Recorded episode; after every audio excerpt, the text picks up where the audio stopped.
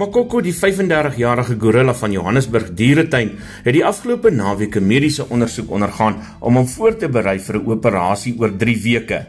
'n Dokter en twee verpleegsters van Suid-Afrikaanse Hospitaal het professor Gerard Steenkamp, 'n veterinêre tandarts en mond- en kaakchirurg bygestaan om die gorilla van 200 kg onder narkose te plaas en te ondersoek. Professor Steenkamp vertel in kleurryke detail hoe die ondersoek verloop het.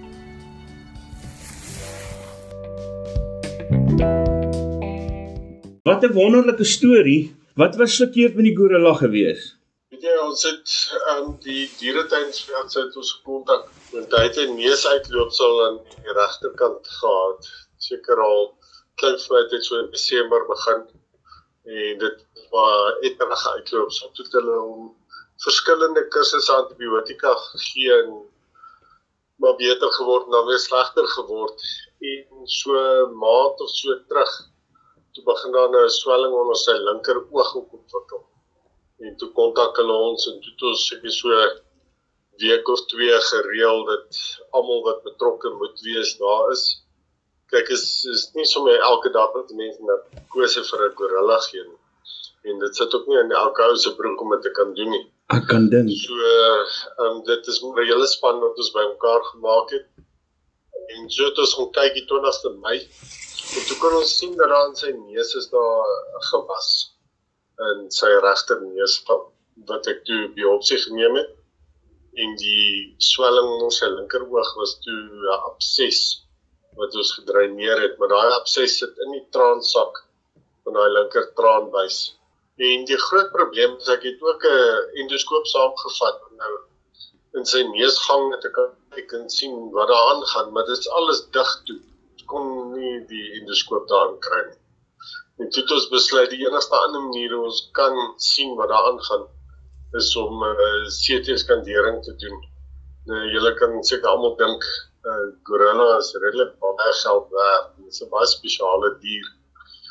So om dit te kan doen, ehm um, het jy nou so 'n bietjie logistiek geverg want die naaste CT masjien aan Johannesburg dieretuin is by Onderspoort Veterinêre Akademiese Hospitaal wat so swaar dier sou kon akkommodeer. Jy weet by Onderspoort het ons tafels wat perde kan oplê. So 210 kg gorilla is, is iets wat ons maklik kan hanteer. Waar as jy nou byvoorbeeld na 'n menslike hospitaal toe kan gaan daai beddens kan maar so 180 kg vat. Goeie genigte. So ehm um, die groot probleem aan net is jy weet omdat daai dier van Johannesburg af tot in die noorderkant van dan weer terug te kry. As jy dit ry met 'n voertuig, dis so 60 65 km. En dan moet jy of die dier in die slaap hou en dit gaan omtrent 'n uur vat. So jy gaan 2 ure in narkose tyd spandeer net om die dier by die hospitaal te kry en terug. Die alternatief is om dit in 'n baie sterk hok om te probeer vervoer, maar dan verhoog mense die stresvlakke vir die diere. Jy weet om om 'n gestresde narkose te gee is nooit 'n goeie ding nie. So die enigste ander alternatief was om om met 'n helikopter te vlieg. En gelukkig het ons goeie vriende, Tokkie Botes en hy is al baie bekend aan ons. Hy het ons al baie gehelp met renosterstropery en om diere te gaan vang en so aan. En ek het hom gekontak, maar sy helikopter was te klein. Want jy moet nou dis nie net vier passasiers nie, dit is die vlieënier, twee narkotiseers en 'n 200 kg gorilla. So dis omtrent 5 passasiers wat jy in so 'n vliegtuig moet sit maar hy het toe 'n kollega van hom, ehm um, Mike Baans gekry met 'n groot genoeg vliegtuig het en hulle toe nou Saterdagoggend vir Makoko opgelaai en 17 minute gevlieg en toe het ons hom ingery na die hospitaal toe die CT gedoen en ek het 'n menslike chirurg, oorneus en keel chirurg daar gehad, ehm um, Dr Kobus Venter. Hy doen nogal baie onkologie chirurgie in daai gebied en hy en sy span was ook daar met hulle endoskope en hulle het ook probeer om in die neus te kyk maar selfs op die CT skandering kon ons al sien dat al sy sinusse totaal toe. Daar is nie eers 'n druppeltjie lig daar nie. So ons sal moet opereer en al daai sinusse skoonmaak. En dit is nou die volgende stap. Jy weet om op hierdie baie interessante diere te opereer. Dit is natuurlik 'n wonderlike ervaring en 'n groot seën. Maar daarso soos die dokter Venter sê vir my, maar as ek nou net in die boek kan kyk dan die anatomie, sien jy net daar is nie so ehm um, jy weet ons is so gewoond as jy 'n dier, 'n hond of 'n kat of 'n perd werk of hulle dan nou wat met mense werk dat daar al anatomie beskryf is en 'n mens mag gaan kyk en naslaan en weet presies hoe om te opereer en waar om te opereer. Maar op 'n dier soos hierdie is daar nie veel beskryf nie. So ek is juist tans besig om naastiglik te soek na 'n uh, gorilla skedel en ek gaan môre probeer om by die uh, die ou Transvaal museum dit so museum van natuurlike geskiedenis uh, probeer om 'n gorilla daar te kry maar nou natuurlik onder die COVID-19 is hierdie fasiliteite toe op die oomblik. Maar ek gaan probeer om 'n normale skedel in die hande te kry of ten minste 'n skedel met normale sinusse dat ons dit kan skandeer ook. En dan het hy daarom 'n padkaart. Ja. 'n Ou ou professor Libbe gehad wat altyd gesê het jy moet altyd 'n padkaart hê as jy gaan opereer. Jy dan weet waar jy gaan en hoe jy daar kom.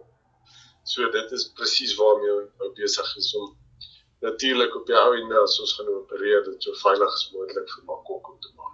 En wanneer beplan julle vir die uh, operasie?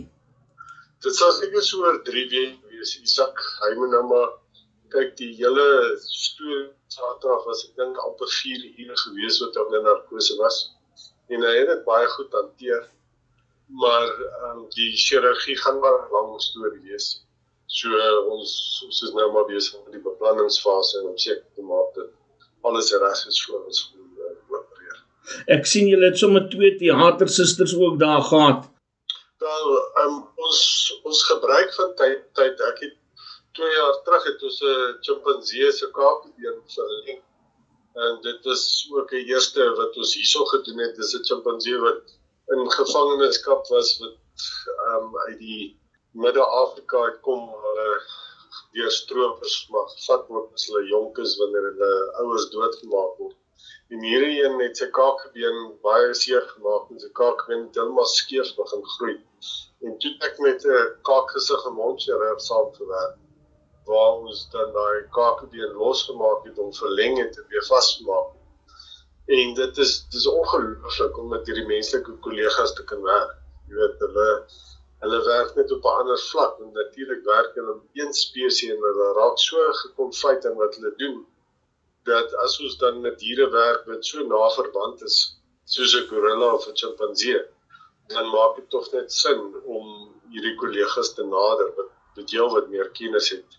En ja, die twee susters van die Suid-Afrikaanse hospitaal waar dokter Venter ook opereer. En jy weet wat vir my ongelooflik is, is elke persoon wat ek gekontak het om te sê kan jy help? Eers kan jy ons 'n vliegtuig leen? Kan jy dit almal het onmiddellik ja. Daar is nie eers een persoon wat sê hoorie ek moet net eers met iemand praat of daarmee volgende week laat ek daaroor dink. Dit was 'n uh, ongelooflike ervaring om saam met so 'n klomp mense te werk. Gerard laaste vraag, uh, hoe word Makoko nou versorg totdat uh, die operasie deel kom? kyk hy het baie goeie versorging in die Johannesburgse dieretuin, so hy is in sy normale op. Hy gaan uit toe, hy doen sy normale goed. En dan wanneer ons hom gaan opereer, gaan ons hom daar by die Johannesburgse dieretuin opereer. Hulle het 'n hospitaal met 'n teater.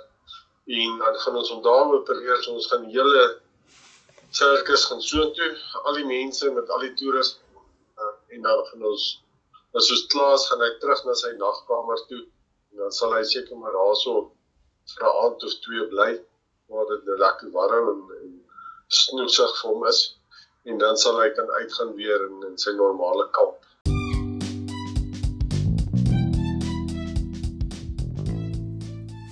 Jy het geluister na professor Gerard Steenkamp, 'n veterinêre tandarts en mond en kaak chirurg. Ek is Isak Du Plessis. Verkeersboetes behels meer as 'n klein ongerief met minimale gevolge. Jy kan 'n kriminele rekord kry of probleme teekom as jy jou rybewys of motorlisensie hernie en die metropolisie kan jou by padplekades lastigval om die boetes te betaal. Fines for you vir minder moeite met verkeersboetes deur hul te monitor en vinnig, wetlik en effektief af te handel sodat jy nie die ongewenste gevolge hoef te dra nie. Ons spesialiseer in groot vlote en streef daarna om jou geld te bespaar. Kontak ons gerus op 011 867 7331 of besoek ons webtuiste by www.finds4u.co.za.